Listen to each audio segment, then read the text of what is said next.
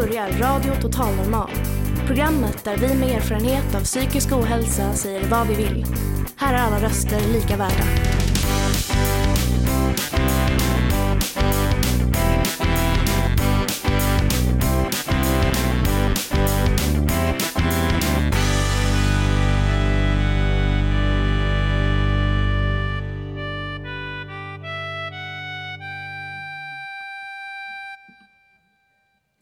Och hjärtligt välkomna till Radio Total Normal, ditt psyke i eten. Som vanligt hittar ni oss på 101,1 MHz i Stockholms närradio. Vi sänder som vanligt live och idag direkt ifrån matsalen på Fountain House Stockholm. Framför mig har jag en härlig publik.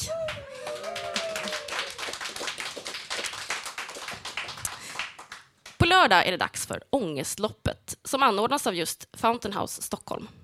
Det är världens kortaste gatlopp.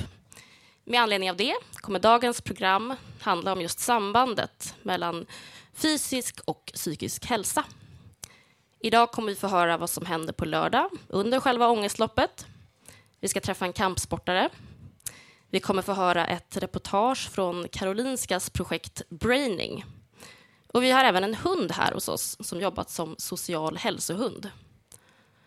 Dessutom gästas vi av musketören Lasse som ska sjunga en alldeles ny låt för oss och berätta vad en nutida musketör gör.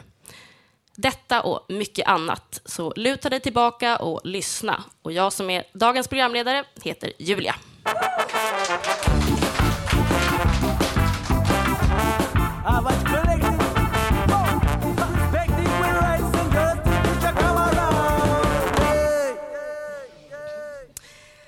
Där var Avash Collective som sjöng Right Thing. Och de kommer att spela på Ångestloppet som är på lördag. Nu har vi klubbhuschefen för Fountain of Stockholm här. Kan inte du berätta lite om vad Ångestloppet är, Gunilla? Ja, hej Julian, det kan jag göra. Äh, Ångestloppet det är ett lopp som vi på Fountain of Stockholm har arrangerat elva gånger. Det här är tolfte gången. Nu har vi faktiskt haft två eller tre års uppehåll på grund av den här, det vi inte nämner med namn, pan, ja. Eh, men i år så ska vi ta revansch. Eh, I vanliga fall så brukar vi, eller, vi brukar förbereda loppet typ två och en halv månad liksom med sponsorer, talare, politiker. I år har vi gjort det på rekordfart, så här, två och en halv vecka. Så ja, vi hoppas det går bra, att det kommer en massa folk. Jag hoppas att ni som sitter här kommer till loppet på lördag. Det här loppet är liksom inget lopp i, i, i, ja, men i den bemärkelsen att det är en sporttävling utan det här är ett lopp som vi arrangerar för att vi vill synliggöra dels vår fantastiska verksamhet, om jag får säga det. En verksamhet för människor med psykisk ohälsa, men också ja, men överlag att uppmärksamma psykisk ohälsa, att det är så himla vanligt och har ökat under pandemin. Eh, så det finns liksom vi har kört det i 12 år, men vi kommer köra här minst 12 år till liksom, innan vi kommer dit här, att alla kan vara öppna med sin psykiska ohälsa och att vi kan prata om det på ett bra sätt. Så loppets syfte är att synliggöra oss och psykisk ohälsa. Fantastiskt, vilket bra mm. initiativ. Ja. Är det ett jättelångt lopp? Oh ja, det är 209 meter. Oh. Ja. Det är eh, startar på Götgatan 24 och slutar på Götgatan 40. 40. Och man kan springa, man kan gå, man kan rulla. Jag vet att det var en kille här som försökte ta det, han på, gå på händerna, men det gick inte mer än några meter. Men det var ett gott försök. Det är också väldigt kul den här dagen, för det kommer folk... Ja, men vi ligger på en väldigt trafikerad gata, så många människor går ju här. Och man får med sig ganska många som är, liksom, är i strömmen här på gatan. Så det är liksom cyklister och rullatorer och barnvagnar. Och, ja, Wow, vad häftigt. Mm. Men hur är det, behöver man anmäla sig till detta? Kostar det någonting? Det är jättegratis. Eh, man kommer hit. Eh, loppet börjar två på lördag. Men innan dess så öppnar vi upp för öppet hus här på Fountain House redan halv ett. Då kan man fika och titta runt och någon kanske vill ha en guidad tur, då kan man få det också. Sen så klockan ett då börjar det här bandet att spela, Avage, som precis radion spelade här. Eh, hoppas vi. Nu kan det ju vara så att det är regn, men då, vi får se. De kanske får spela inomhus. Det, det löser sig. Det blir lopp i alla fall. Yes, vad härligt. Mm. Men jag tänker på det här ångest. Det är ju en ganska jobbig känsla. Är det liksom depplopp, eller vad är det? Nej, det är det verkligen inte. Det, det, ja, det är ångestlopp och det, ångest är väldigt allvarligt och fruktansvärt. Men vi har ju valt att liksom uppmärksamma det på ett kul sätt. I början då, då hette det ångestloppet, skrik ut din ångest på 209 meter. Så det var liksom en och annan som sprang och liksom bara, så, bara. Eh, så vi får se om någon skriker ut sin ångest. Eh, det är allvarligt, men det är en liksom rolig skepnad, eller vad jag ska säga, just själva arrangemanget. Jag kan ju faktiskt hålla med dig där. Jag har varit med en gång ja. och det var väldigt glädjefyllt. Eh, läcker musik, glada människor. Eh, så att jag rekommenderar det varmt. Mm. Vill du tillägga någonting? Um, kom. Vet jag. Har vi någon minut kvar, eller? Ja, en. en. Här sitter ju Lilian också. Hon har varit med och i det här loppet tidigare. Hur upplevde du loppet? Alltså, det var mest som en folkfest alltihop. Jag tyckte det var superkul. Det var så många olika typer av människor som var där. Det var gamla, unga, sjuka, friska, om man nu kunde se det. Men liksom det, det, var någon som satt i rullstol och, och, och någon annan som, som, gav järnet och hade kunnat klara 100 meter på, på 10 sekunder kanske. Det var, det var så väldigt mycket olika. Och så musiken och, och, det var lätt att prata om det här. Det verkligen öppnade för att, ja men ångest, det är, ja visst, självklart. Inget konstigt med det. Ja men tack. Det är två kill, killmän som alltid tävlar mot varandra i det här loppet. Så det har varit samma sedan jag började här 2011. Liksom. De försöker liksom vinna båda två. Och någon liksom fortsätter Götgatan ner. Så här bara. Det är jättekul. Han springer igen. Han kanske har varvat här nu. Liksom. Ja. Men, ja, men det är jättekul. Och, eh, ja, men socialborgarrådet kommer och pratar lite. Eh, sen har vi inte fått med oss så många mer just på grund av att det varit så kort tid. Jag hade gärna velat ha socialministern, men mm. nästa år. Ja. Vi får hoppas att socialministern lyssnar mm. och har tittat tagit... förbi. Exakt, ja. exakt. Ja, men tusen tack ja, men tack för detta. själv, Julia. Yes. Ja, hej då. Mm.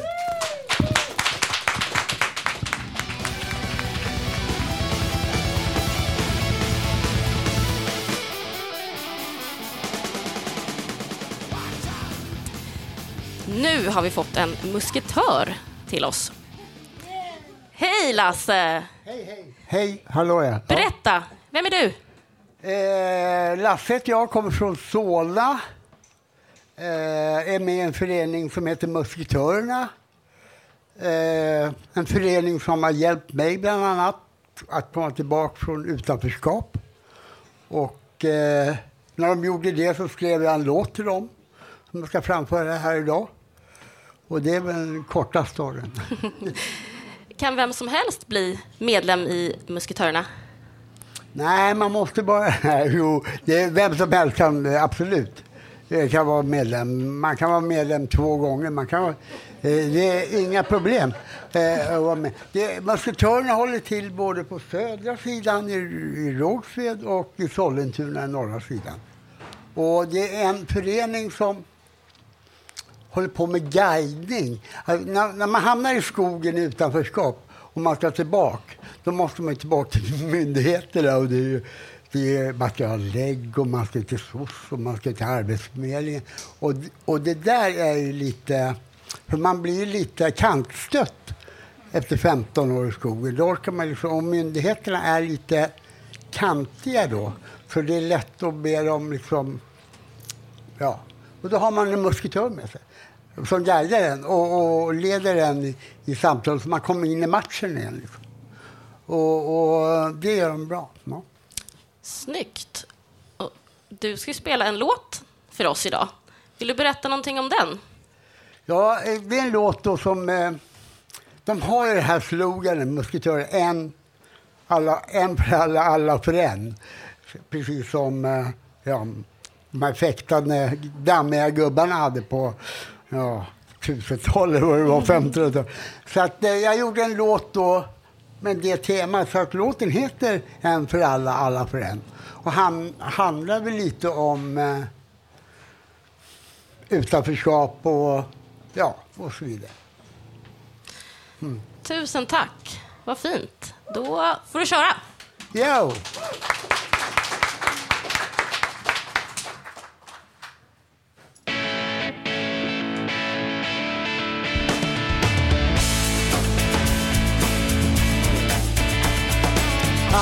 Traskat vägen där ingen önskat gå. Ibland rusat på stigar fast stenen känns så små. Rapavla pavlar mig lera så laget är på.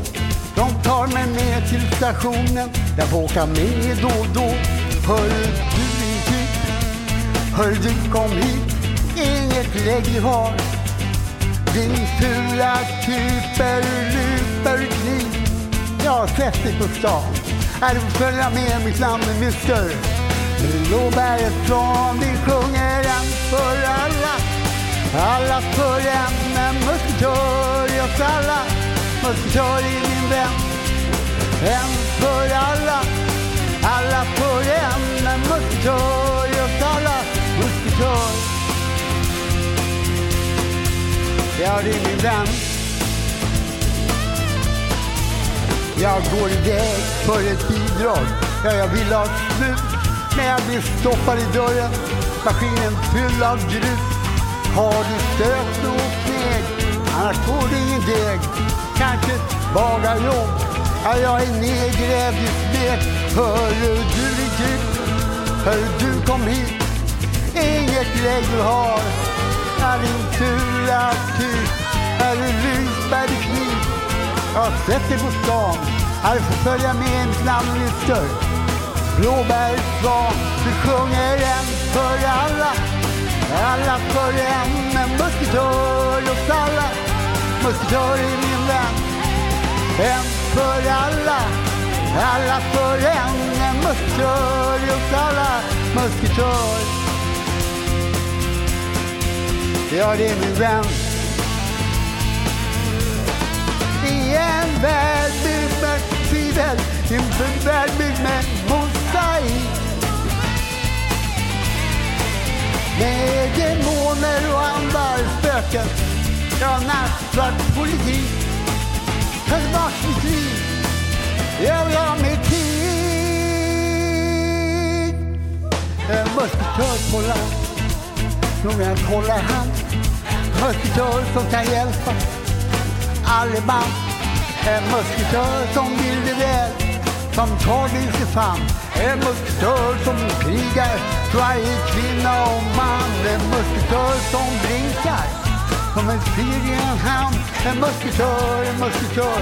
när de fäktar ut sig fram. En musketör, en musketör. Alla dagar stanjar.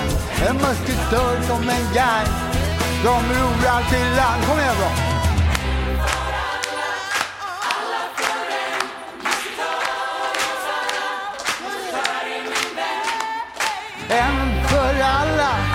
Alla för en. En musketör i oss alla.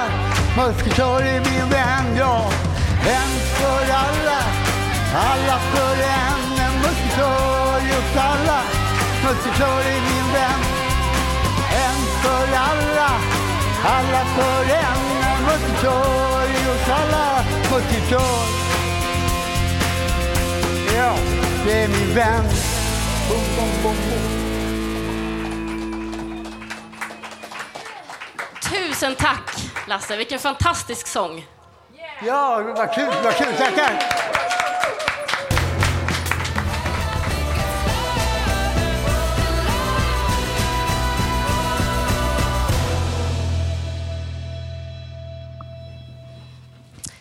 Nu har vi fått in något alldeles ljuvligt här i rummet. Och vad det är ska Lilian, Magdalena, Anki och Brittany få berätta om. Varsågoda. Ja, Tack så mycket. här har vi alltså dagens huvudperson, får jag nog lov att säga. Eh, bland annat på allas reaktioner. Vi, är ingen, ingen som märker oss, det är bara, alla bara tittar ner på voven. Det här är Brittany, alltså. Det är en social tjänstehund. Eh, och som det så, så får hon tillåtelse att vara på alla offentliga miljöer. Det är liksom en del av att vara tjänstehund. Eh, och eh, de, de eh, gör ett fantastiskt jobb. Eh, idag är det väl så att speciellt så här efter pandemin så saknar vi beröring väldigt mycket. Eh, tänk på alla stackars äldre som inte fick träffa någon på två år till exempel. Eh, men en, en sån här social tjänstehund eller terapihund, de kallas lite olika, kan då fylla det här behovet eh, med att ge den här goda beröringen. Eh, många idag, som framförallt i storstäderna, lever ju i, som singlar eller i, i social isolering. Väldigt vanligt.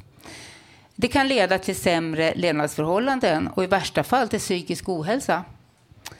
Eh, det här börjar nu uppmärksammas på flera olika håll, olika områden.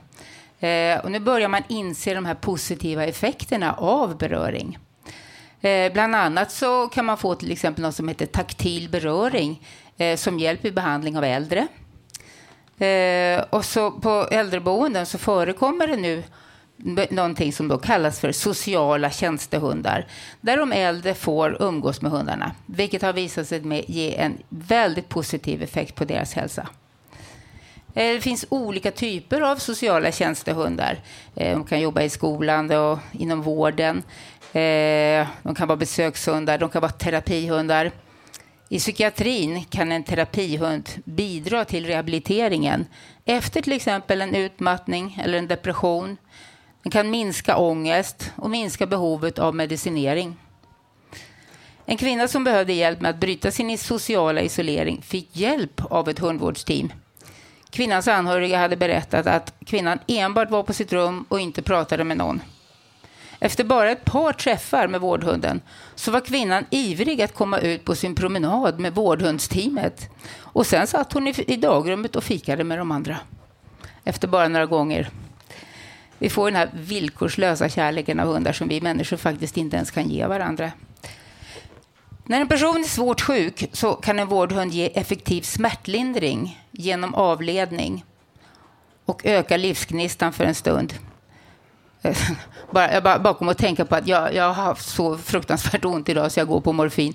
Eh, men sen jag träffade Britta här nu så har jag inte en tanke på den smärtan. Det var bara så. Tröst och empati och ångestlindring är andra eh, expertområden som de här hundarna har. Japanska forskare har också sett att hundar har en förmåga att göra oss lyckligare. Alltså det vill säga öka vår samarbetsförmåga, reducera stress och nivån av oxytocin ökar hos bägge individerna när vi umgås. Vi behöver inte ens klappa dem. Oxytocin utsöndras även genom ögonkontakt. Så några viktiga, viktiga saker som en social tjänstehund kan bidra med. Till exempel skapa kontakt, öppna till samtal, öka koncentrationsförmågan, motivera till fysisk aktivitet, underlätta interaktion med andra individer, möjliggöra delaktighet i undervisning, minska oro och ångest, ge tröst och trygghet, bryta social isolering och minska stress. Så därför har vi alltså fått besök idag av lilla Britta, Brittany. Eh, jättegosig liten vovve som är en blandning av golden retriever, norsk budhund och border collie. Har jag rätt? Ja. Jättespännande. Eh, Magdalena här ska ställa lite frågor till dig, för du har ju varit ägare av en sån här terapihund länge. Hej Anki och Britt-Marie. Eh, väldigt stort välkomna. Eh, jag har lite frågor att ställa. Jag undrar till att börja med, hur kommer det sig att du valde att utbilda Brittany till en terapihund?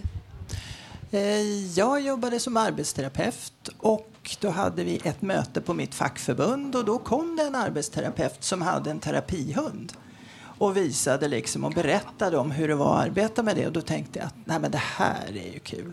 För jag hade jag inte haft hund på några år så jag tänkte det här är en bra idé. Väldigt bra idé. Ja. Eh, nu vet jag att Brittan är pensionerad, eh, men när hon arbetade, trivdes hon då på sitt jobb? Hon trivdes jättebra på sitt jobb. Och hon gillade verkligen, när hon kom på morgonen så var hon jätteglad och alla som mötte henne blev ju bara glada av att se henne när hon kom. Och sen är det också så att om man träffas till exempel att man hade såna här möten, man kanske var max tio personer då eller någonting så ska hon gå runt och hälsa på alla. Okay. Och det gör hon genom att lägga huvudet i knä och så se i ögonen, va? möta ja. blicken. Ja. För då säger man liksom, och då brukar jag säga till henne, nu får du säga hej. Och då gick hon runt och hon måste hälsa på alla. Ingen, alla måste känna sig sedda utav en terapihund. Får inte hoppa över någon. Alltså det var Men så det jätte, jättetydligt på enhetsmötet som vi hade så gick hon verkligen runt och, och hälsade på var och en som satt där. Det var fantastiskt, så långt hon kom nu för koppels skull. Men, men det, var, det var så fint att se att hon verkligen brydde sig om att alla skulle få vara sedda. Mm. Ja, nu vet jag ju att Britterna har betytt väldigt mycket för väldigt många personer eh, under sitt arbete då, och annars också. Eh, men jag undrar om du har något exempel från Ja. verkligheten från arbetet som Ja, du kan ta upp? det har jag. Eh, Vi jobbade så att vi var på en sluten psykiatriavdelning en timme, en dag i veckan. Och eh, efter ett tag så träffade jag en person och han berättade, sa till mig att du förstår inte, sa han, hur mycket hon har betytt för mig. Men idag ska jag gå hem och prova om jag kan bo i min lägenhet igen. Och jag blir så här, ja, jag ryser liksom. Ja, det är fantastiskt. Och jag sa, det, det grejer du säkert. Men liksom det här att det kunde ju inte jag förstå hur mycket den betydelsen var. Och sen jobbade jag också på ett HVB-hem. Och då var, jag, var vi ute och gick och det var inga problem. Och så sa någon annan som bodde där, Hörru du, den där personen har inte varit ute och gått på flera år. Men det är ju inte jag, det är ju hon. Ja, jag förstår det. Eh, Jag undrar lite grann, bara om det går att ta lite, vad behöver en social tjänstehund ha för kunskaper och utbildning om man jämför med en, ja, en vanlig sällskapshund till exempel? Bland annat där att hälsa förstår jag ju och så. Ja, en terapihund måste ju tycka om människor. Hon måste ju tycka om att hälsa på människor och vara med människor. Och hon får liksom inte vara rädd. Jag menar det är rullstolar, rullatorer eller folk kanske vinglar. Eller, alltså hon ska gilla allt och inte vara rädd. Och så miljötränar man så man åker ju alla möjliga olika tåg eller ja, vistas överallt. Och ingenting ska de banga för. Nej. Och sen så har man också praktik. Så jag gjorde praktik på en eh, mötesplats i Årsta som heter Flotten. Okej. Ja, och sen var jag också inom äldreboende. Men hon har jobbat på äldreboende, HVB och ja, lite blandat. Då. Ja. Vilket CV hon har. Ja, hon har ett CV. Och det tar ungefär ett år om man Ett utbildar till ungefär. terapihund. Ja. Besökshund går lite fortare. Då behöver man bara liksom träffa och vara lite social sådär. Men terapihund, då krävs det att... Det är lite och mer sen, saker. Och sen ibland säger man så här, ja, men jag kan ta med min hund till jobbet. Ja, du kan ha en jättetrevlig hund som älskar människor men kanske inte gillar att vara på jobbet. Så det har jag mött många som liksom har fått tagit hem sin hund. De blir bara lite nervösa liksom. Ja. Trots att de är. Så det är lite skillnad. Ja, det är, jag som hundägare förstår, jag vet hur mycket miljöträning och träning som kan ligga bakom att de ska klara alla miljöer, bara det. Ja. Så. Eh, har du några några fler exempel på vad en hund kan göra för en människa som lider av psykisk ohälsa? Eh, ja, då kan man ju ta till exempel, då tar jag exempel från demensboende kanske. Men det, det kan också vara så, då hörde man ibland att nej, personen vill inte gå ut, den är trött, den vill ligga och sova idag. Ja men okej, sa jag. Då går jag och Britta, för hon hette Britta då när jag jobbade med äldre, för det är lite lättare än Brittany. Och så gick, kom han upp och så sa personen, nej men är Britta här? Så. Ja men då klär jag på mig så går vi väl ut på gården som vanligt. Inga problem. nej. Eller någon kanske var lite frustrerad och ville inte ta på kläderna och ville inte, allt var fel. Då gick vi bara upp och så såg hon hunden och så började hon prata om det och så efter ett tag sa man du, ska vi gå och fika nu och lite frukost? Ja, jag går och klär på mig. Och så var det klart. Ja, Det är avledning och det är liksom, ja, lite så. Jag, jag hörde ju att du berättade tidigare här lite för mig eh, om att hon, är, hon ser vem det är som behöver tröst och stöd och att hon går fram till den. Och så brukar hon lägga huvudet i knät på dem för att trösta och, och ja, stötta. Visst är det så? Ja, Jag tycker det låter helt fantastiskt att höra det. Att de kan känna in var, vem det är som behöver stödet. Som mest. Ja. Yes. Ja, Då tackar vi jättemycket för att du kom hit och delade med Ja. er, får jag säga. tack för att jag fick Så. komma. Det var jättekul. Hon tack så hemskt mycket. Ja, Får lilla Britta stanna kvar en stund så vi hälsa på henne. Mm,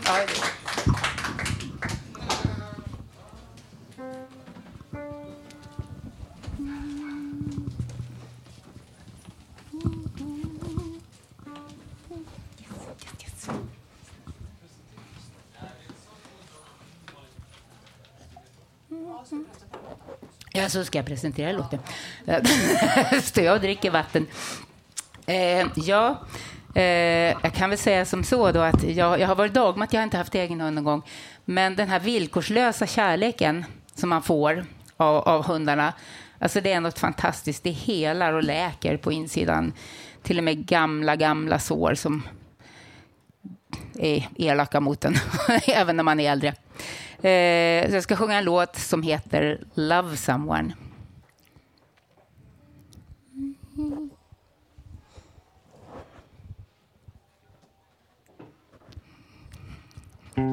There are days I wake up and I pinch myself. You're with me, not someone else. And I'm scared, yes, I'm still scared that it's all a dream. Cause you still look perfect as days go by. Even the worst ones, you make me smile. I'll stop the world if it gave us time. Cause when you you open up your heart. When you love someone, you make room. And if you love someone and you're not afraid to lose him, you probably never loved someone like I do. You probably never loved someone like I do. When you say will you make you feel everything becomes so real. Don't be scared, no, don't be scared. Cause you're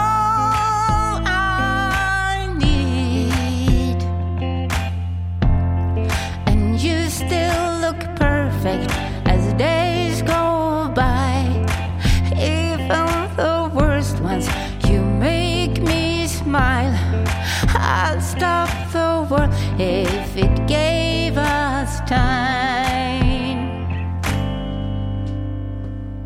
Cause when you love someone, you open up your heart. When you love someone, you make room. And if you love someone and you're not afraid to lose him, you probably never loved someone like I do. You probably never loved someone like I do. All my life, I thought it'd be hard to find someone till I found you. And I find it bittersweet. Cause you gave me something But when you love someone, you open up your heart. When you love someone, you make room. And if you love someone and you're not afraid to lose, that ever loved someone like I do. You probably never loved someone like I do. You probably never loved someone like I do.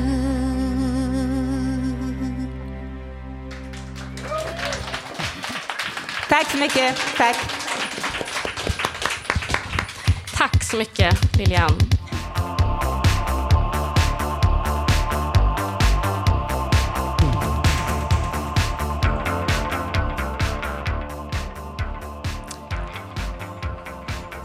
Nu hälsar vi Graciela och Alexander varmt välkomna hit. Graciela ska intervjua Alexander om kampsport. Varsågoda. Hej Alexander, välkommen. Eh, vill du berätta lite om dig själv? Det kan jag absolut göra. Eh, Alexander heter jag. Det är egentligen bara min mamma som säger så, tror jag. Alex. Eh, 32 eh, år gammal, kommer från nordvästra Skåne, rätt nära Halland. Eh, är tillfrisknad missbrukare sen eh, drygt fyra år, alldeles strax fyra år. Eh, och har under hela den här tiden hållit på med kampsport. Eh, hur, eh, ja, men hur kom du i kontakt med kampsporten och hur har det hjälpt dig för att komma bort från missbruket och hjälpt dig eh, med det här psykiska ohälsa? Eh, jo, men jag har ju dragits med psykisk ohälsa hela mitt liv. Eh, väldigt, mycket, väldigt mycket ångest. Eh, och det har ju då självmedicinerats med alkohol. Eh, och då när jag eh, slutade dricka eh, och slutade ta droger så blev det ju väldigt mycket ledig tid, kan man ju säga. När jag inte låg hemma och hade ångest eller var ute och drack så fanns det Ja, det blev väldigt mycket ledig tid. Ehm, så det var ett par kollegor till mig där jag jobbade innan eh, som höll på med något som heter submission wrestling, en form av brottning där man även stryper ut varandra och lite andra, andra roliga saker. Ehm, så i alla fall, men jag kände så här, fasiken, jag är för gammal, jag var då 29 drygt och jag bara, nej, vad ska jag dit och göra? Jag vägde 116 kilo och allting var bara tufft.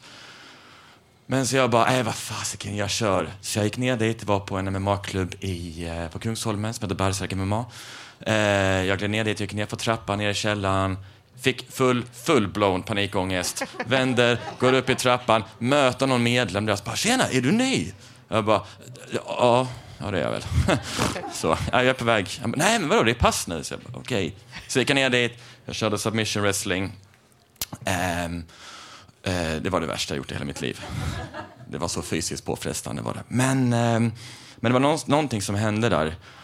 Eh, den här familjära känslan. Eh, och idag så tränar jag på en thaiboxningsklubb som heter Alpha Training Center där jag också är tränare själv och hjälper och driver den eh, tillsammans med min sambo som grundade den. Då. Ehm, och det som jag gillar med kampsporten när det kommer till ångest eh, och utanförskap var ju det här med den här familjära Ja, känslan som man Ja. får. Att i, I kampsport så är det inte lika lätt som i fotboll. Du kan födas med bollkontroll, du kan vara atletisk. I kampsport så är det inte riktigt samma så. Visst, fine, du kan väl vara lite mer vältränad kanske än att väga 116 kilo och typ vara gjord på vätska. Men det var ändå alla, alla alltid behövt samma baseline, så att det har liksom varit, det är det som, varit så himla, det är det som är så himla fint. Mm. Och den här, den här familjära känslan. Ja. Vad, vad heter det, vad, vill- när, du, när du är här, och vad är det du vill förmedla när du var så för lyssnarna, det här med kampsporten och vad, ja, vad är det, eller med, med, med träning i huvud taget? Ja, alltså man, när det kommer till träning så behöver man kanske inte vara så extrem som jag. Man behöver inte träna 6-7 eh, dagar i veckan om man inte vill. Det är ju bara missbrukande mig som inte kan göra någonting halfway. Eh, på gott och ont då. Men jag tror att visst, mediciner och så vidare har ju väldigt, eh, väldigt, väldigt viktigt med psykisk ohälsa. Men jag tror också rörelse för att inte isolera sig hemma så som jag gjorde och drunkna i sin egen ångest. Utan jag tror att bara du vågar gå ut och träna en, två gånger i veckan och kanske, på liksom, kanske testa på kampsport, för det, it's never too late obviously. Och man kan komma, som Nirvana säger, komma as you are. Um, det är liksom aldrig det är aldrig för sent och det spelar ingen roll vilken fysisk form man är. Jag tror det är viktigt att bara, inte bara själva rörelsen, alltså själva när du rör dig och tränar, utan även också att känna ett sammanhang, en samhörighet på något sätt. Och många kampsportare kommer från samma grund med den här psykiska ohälsan. Det behöver inte vara missbruk, det kan vara allt annat. Man behöver heller inte ha psykisk ohälsa för att träna kampsport, obviously. Men det, men det hjälper, för att du måste vara så närvarande. Det är det jag älskar med kampsport. Att när jag går in i träningslokalen så är det bara alla problem som jag har, för jag menar bara för att jag slutade eh, dricka och ångesten blev mindre. Jag är fortfarande ångest idag, jag är fortfarande människa. Liksom. Jag är inte någon superhjälte på något sätt. Men när, när ångesten liksom, äh, förlåt, när missbruket försvann och hela det här så blev det så här, alla problem jag har i vardagen, när jag går in där så försvinner de. Där och då. I de här 75 minuterna. Och sen går jag därifrån med ett lite, lite, lite lättare hjärta. Eh, och det är det jag då vill förmedla, att testa på träning. Jag menar, det finns en på Bayern Boxning, en, en äldre dam, jag vet inte vad hon kan vara, 70 barre eller någonting. Hon har definitivt bättre teknik än vad jag har. Alla dagar i veckan. Det, är liksom, det, finns, det, finns liksom, det finns kampsport för alla. Um, så jag tycker verkligen att testa på. Jag menar, antingen så är det skitkul eller så är det inte tråkigt. Eller så är det jättetråkigt. Och då är allt som har hänt i att ni har offrat 75 minuter av ert liv. Jag menar, vad är det? Det är en, en halv Netflix-film. Precis. Och, nej, men sen är det också, jag har ju tränat. Jag tränade ju, jag började också träna. Jag är också som dig. Allt eller inget. Så när jag provade på så, blev, då, så flyttade jag in i träningslokalen och skulle börja tävla och allt. Jag var helt galen. Eh, vad, vad, som, vad som jag kände, det var det här att man får det här självkänslan. Ja, man, blir, man får sån självförtroende av kampsport. Ja, visst. Att man känner bara wow, jag är en superhjälte, jag klarar Ja, allt. visst är det så. Så, här, så att det, ja, re, re, jag rekommenderar faktiskt. Eh, det var därför jag bjöd in Alexander så att han kunde berätta lite. Ja, nej, Eh. men eh, precis. Ja, men det är ju, det är ju verkligen det att alltså, någonstans, alltså jag kan prata om eh, kampsport, jag hade kunnat ta hela radioprogrammet helt själv bara. Eh, ehm, men det som, är, det som jag också tror är viktigt är att man också pushar sig själv, alltså to the limit. Det är väl det som jag tycker om också, att man bara efter sin egen förmåga pushar sig själv. Ja. Så, eh, Ja, ja, vad fasiken, det är väl aldrig för sent att prova någonting nytt, eller? nej. Tack så jättemycket för att du var här och berättade om dig själv och om din resa. Eh, tack så mycket Tack. för oss.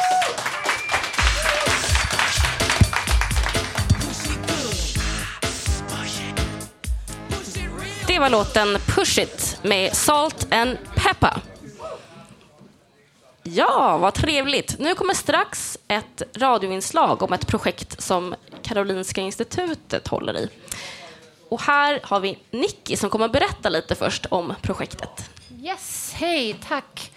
Uh, ja, jag heter Nikki och jag är en medlem här på Fountain House. Också jag är patient på effektivmottagningen mottagningen Sydväst, Huddinge, på deras psykiatriavdelning.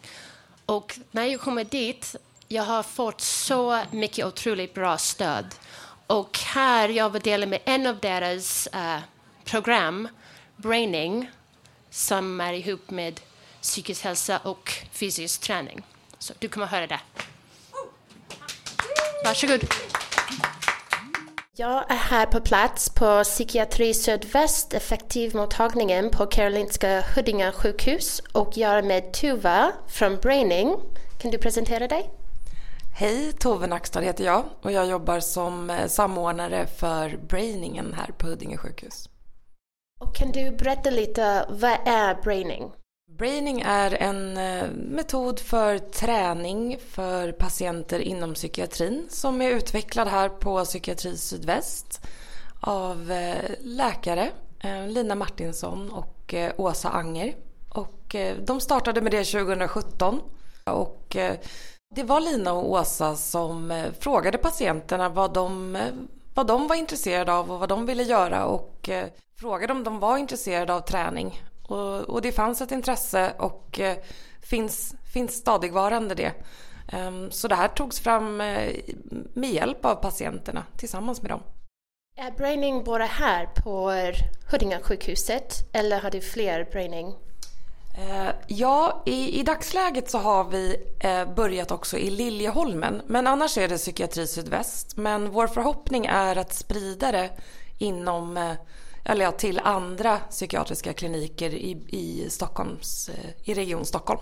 Och varför är fysisk träning viktig i speciellt psykiatri? Det är väldigt bra för att öka det psykiska välbefinnandet och det hjälper, Eh, hjälper oss alla oavsett om vi har någon psykisk diagnos eller inte så mår vi bättre. Eh, hjärnan får sig som en genomsköljning av signalsubstanser, eh, hormoner. Ehm, så det, det kan faktiskt vara lika bra som medicin för milda och måttliga depressioner till exempel men, men är bra för, för alla diagnoser och, och alla oavsett hur vi mår. Vad gör träning för hälsan?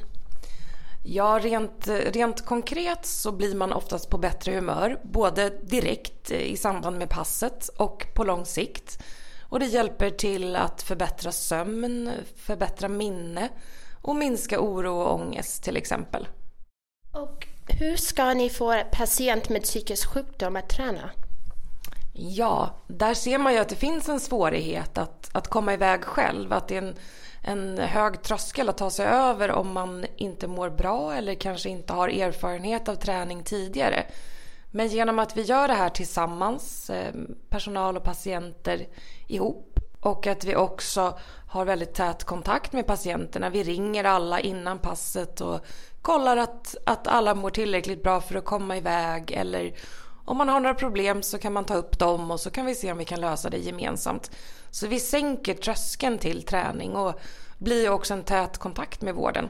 Så det är som en bonus. Och eh, det har ju eh, forskats en hel del på, på braining, eller det, det pågår forskning men det finns också eh, tidigare forskning. Mm, både, ja, både inom ramen för braining men det finns ju jättemycket forskning gjord om träning vid, vid psykisk ohälsa. Att eh, alla positiva effekter som det har. Kan du berätta lite om våren träningspass här? Vi har både lugna pass och eh, mera, mera fysiskt intensiva, svettiga pass. Eh, så vi erbjuder yoga, vi erbjuder backintervalllöpning, gympa och tabata, intervallartad träning. Så det är ganska, ganska brett, eh, brett utbud och förhoppningsvis kan det bli ännu fler pass i framtiden som dans och sånt. Vem kan vara med i träningspasset? Alla kan vara med. För att alla våra pass går att anpassa. Så att det spelar ingen roll om du har ont någonstans eller om du har en dålig dag eller svårt med balansen. Eh, vi visar oftast två varianter av, av alla övningar. Eh, och på de lugna passen kan man ju vara med även om man, man inte, inte vill vara med på de svettigare passen. Och det kan också vara ett, en, ett steg in för att ytterligare sänka tröskeln. Och om någon vill vara på träningspasset, måste de vara en patient här och hur kan de komma i kontakt med mottagningen? Ja, eh, man behöver vara patient eh, och man kan eh, vända sig till, direkt till Psykiatri Sydväst även om man bor i någon annan del av, av Stockholm så kan man bli det som kallas för frivalspatient. Och kontaktuppgifterna finns på braining.nu och där kan man läsa, eh, ja där finns allt från kontaktuppgifter till, till mera läsning och lite bilder och, och sådana saker. Så där kan jag rekommendera att gå in och kika. Tack Tuva för en fantastisk intervju och lycka till med braining. Toppen, tack själv.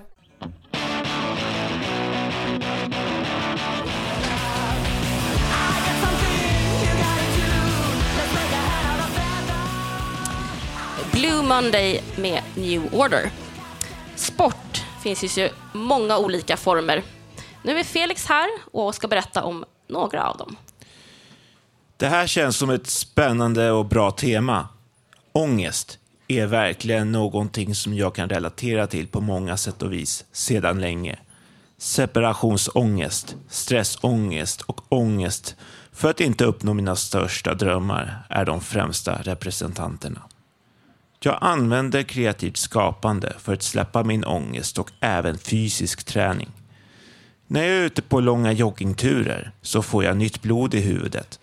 Jag processar nya tankar, blir tydligare med mina idéer, mina känslor och tankar än vad jag var innan jag började springa. Jag närmar mig själv genom joggingturerna. Sedan går jag på en israelisk kampsport, kramaga. Det är en kampsport som handlar om att hantera konflikter på annat vis än andra kampsporter. Anledningen till varför jag går på kramaga är för att jag har känt mig psykiskt hjälplös och okontrollerbar under lång tid när det kommer till att få ett liv som jag önskat mig att få. Kramaga hjälper mig att fokusera och hitta min tyngdpunkt både psykiskt och fysiskt för några år sedan blev jag utsatt för ett rånförsök. En kille försökte ta min mobil genom att försöka slå mig med en hammare. I Kramaga utbildas man till att läsa en hotfull situation och förekomma den. Ibland räcker det med att skrika högt för att en anfallare ska ge sig av. Det har gett mig en känsla av kontroll som är bra. Kramagan är också ett verktyg för mig att hantera min vrede att inte ha fått det liv som jag länge längtat efter. Kramaga är fysisk och jag blir utpumpad av den. Det ger tröst och endorfiner. Jag går ibland på gym för att träna upp mina muskler så att jag kan känna mig stark nog att kunna hantera livet på det enklaste och bästa sätt för mig. Långa arbetspass vid datorn med animation kräver god hållning och styrka. Jag promenerar, cyklar och simmar i sjön på landet på somrarna. Den långsamma rytmen i dessa aktiviteter ger stadga åt mina tankar och jag processar mycket. Jag rensar skallen, känns det som. Stränga vintrar när jag inte har promenerat eller cyklat får jag väldigt många fler negativa tankar. Jag tränar också för att balansera min vikt. Som matälskare vet jag att jag har lätt att gå upp i vikt. Jag kö har kört några hardcore-dieter för att uppnå en lagom stor kropp som jag trivs med och i. Dieten har hjälpt mig att må bättre och jag känner mig mycket piggare i längden. Tillräckligt pigg att hantera mina projekt effektivare än annars. Jag har hållit på med dessa träningar för att jag har känt mig överviktig och mått dåligt av det. Jag tränar i förhållande till hur jag äter och hur jag mår. Jag tränar för att orka fokusera på mina projekt som jag vill få gjort och för att orka arbeta vid datorns långa arbetspass. Jag tränar för att hantera min psykiska hälsa på det bästa sätt. Jag får fortfarande negativa tankar och stresspåslag ibland. Jag trivs mycket bättre med mig själv idag i min kropp och i min själ. Det vill jag tacka min träning otroligt mycket för.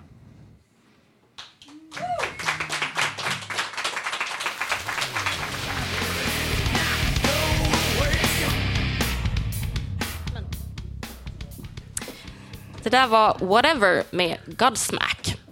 Nu har vi Robert här som ska prata bland annat om kör för åldrande röster. Varmt välkommen. Tack. Jag heter Robert Naverstam. Jag ska prata lite grann om, om en kör för åldrande röster som jag har gått på här i Maria församling under ett tag. Ett, ett och ett halvt år. Och det är mycket bra faktiskt. Enkla tekniker för att prata som hjälper mig nu exempelvis. Även om det är föråldrande röster just det här så kan tekniken användas för folk i alla åldrar naturligtvis kan det. Talteknik, tänka på olika muskelgrupper i kroppen, hur man ska hålla stämbanden och mycket, mycket enkla tekniker som kan göra stor skillnad. Man måste ju vara med när man pratar, när hon pratar. Man får träna. Äldre damer, 10-15 år äldre än mig, Jag är 60, 64. Jag går snart i pension, men de är nog lite blandade. Någon kanske är yngre i alla fall. Ja. Mycket bra resultat får man faktiskt säga att, att det har gett mig. Jag har faktiskt varit där idag. Och då mot slutet så fick jag lite en jättefin jordgubbstårta med, med jordgubbar. Och, hej, hej, hej. Ja. I kyrkan sen efter, efter allting var klart. Och jag hade naturligtvis jättebråttom och rusade iväg. Tog precis min, min eh, tårtbit och en kaffe.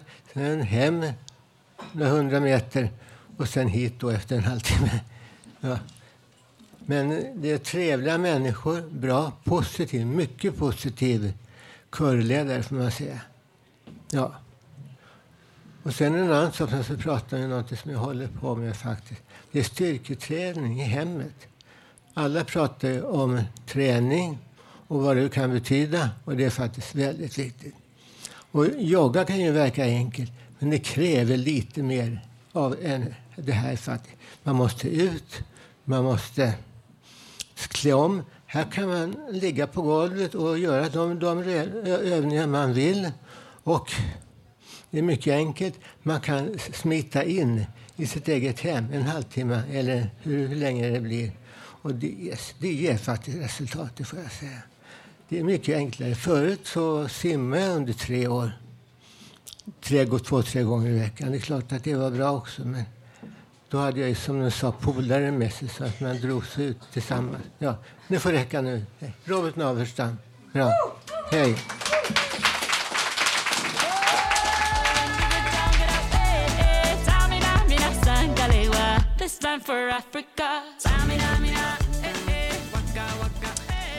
Waka Waka med Shakira. Snart är sommaren här och för vissa är det en tid när man kanske läser lite extra. Nu har vi Ann-Sofie Hedar här som ska läsa en bokrecension som hon har gjort. Jag besöker regelbundet Akademibokhandeln för att skaffa böcker. Den finns ju lite här och var i Stockholm. Jag valde mellan flera författare, bland annat Jonas Gardell representerad. Jag har läst någon bok tidigare som handlade om religiösa frågor. Nu bestämde jag mig för en bok skriven av en yngre författarinna, Happy Jankell. Hon berättar om sina relationer med två män som hon levde ihop med. Hon talar också om hur det är att vara hjälpsökande när man inte mår bra. Beskriver kontakten med olika läkare hon träffar. Hon är ung och lever samtidigt ganska bra liv fast hon mår inte bra. Det framkommer när hon skriver. Hon jobbar som servitris på ett café och man får höra ganska mycket från jobbet. Vilka hon träffar och vad de gör som efter jobbet. Det är en, det är en, det är en hel del att göra på arbetet men hon trivs där. Med jobbarkompisar och så. Det är också mycket beskrivet från alla hennes träffar med olika läkare som hon besöker. Hon tar hon tar visst medicin för att få ut det måste hon träffa läkare och be dem skriva ut. Hon är verkligen i behov av mediciner och det blir en kamp för henne att få utskrivet. Den är inte alltid beredd att ge henne tabletter. Hon får kämpa rejält för att få sina mediciner. Ja, det blir en kamp för henne. Hon har väl också fått vad man kallar ett beroende av medicinerna. Men det blir inte enklare att få tag på dem då. Hon är delaktig i en grupp som träffas en gång per vecka i gruppterapi. Jag uppfattar henne som ganska vanlig. Hon bedöms som frisk på, alla de, på de flesta ställena. Man kan inte hitta något fel på henne, men det framkommer i alla fall att hon inte mår bra. Den första relationen hon har, jag kan inte vara så detaljerad, men hon har ganska mycket fester för sig. Vaknar ofta upp och vet varken tid eller rum och har varit med om kvällen och natten innan. Hon lever i sin lägenhet och träffar och gör saker med, med killen. Vid ett tillfälle planerar de en utlandsresa tillsammans och bestämmer träff på flygplatsen Arlanda. Men det vill sig inte riktigt. Innan de checkar in på resan bestämmer hon sig för att inte åka. Hon vill inte vara med längre, så hon följer aldrig med. Hennes sällskap får åka ensam, hon stannar kvar i Stockholm. Sedan kommer hon att försöka med en kille till. Man får höra mycket om vad som händer henne och hur hon lever, vilka hon träffar och så vidare. Jag har ju beskrivit hennes sökande efter mediciner. Vid ett tillfälle söker hon en speciell läkare som verkligen fattar tycke för liv. Man träffas på, um-, på mottagningen och det kommer att bli början till en romansliknande händelse. Hon träffar honom i alla fall under en längre tid och de har en fin tid ihop. Detta måste vara problem för många. Jag trodde inte själv att det var något problem att få tag på mediciner. Men är det så svårt som här är beskrivet så är det verkligen svårt. Vi får följa en ung människa i arbete, fest och vardag med grundläggande behov som vi människor har. Samtidigt mår hon ju inte bra, fast hon är duktig på att skriva. Ja, boken är bra. Ja, det var det hela.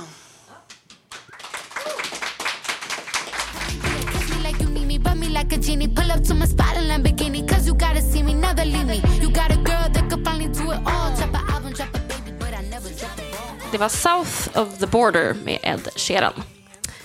Varmt välkommen hälsar vi till Karl Unbom som är här och ska läsa sin egen skrivna dikt Glad vårdikt för oss. Ja, Hörs det? Min andning tycks gå i nya rytmer. Det är en ny tid, det är vår. Hösten var väl trevlig, sober, men lite av en källargång. Och vintern var alltför tung, alltför kylig, alltför svår. Och nu har naturen kommit till sitt eget uppvaknande som ett pånyttfött barn. Och livet tycks vakna till liv i skog och sjö, varje berg och dal. Och väderleken är som en befriad själ, en fågel. Just därför är luften ren, hög, klar och sval. Och jag har sett vinden leka i varje buske, varje snår. Och jag vandrar friare, behöver inte se mig själv. Mina vänner, hare, rådjur, vandrar i snötyngda spår. Jag vill till dit när nat naturen är bar. Vill höra det befriande klappet av hästhovar ute på Rosendal. Jag vill ut till Djurgården där atmosfären är fri, ljuv och sval. Här ute råder en slags överlevnad, år från år fast åren går. Och jag har hört vårfåglar sjunga, nyligen förresten, så sent som igår. Och jag känner ut överlevnad, känner mig ung, det är vår.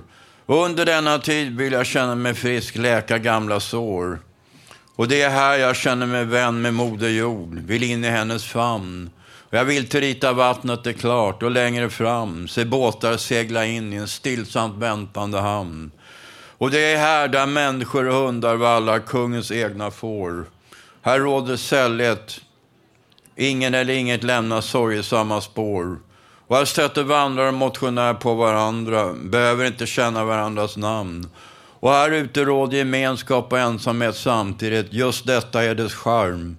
Och som sagt, jag känner här något speciellt nu i år. Kom, vi söker oss till varann, det är vår tid. Och mer någonsin i år.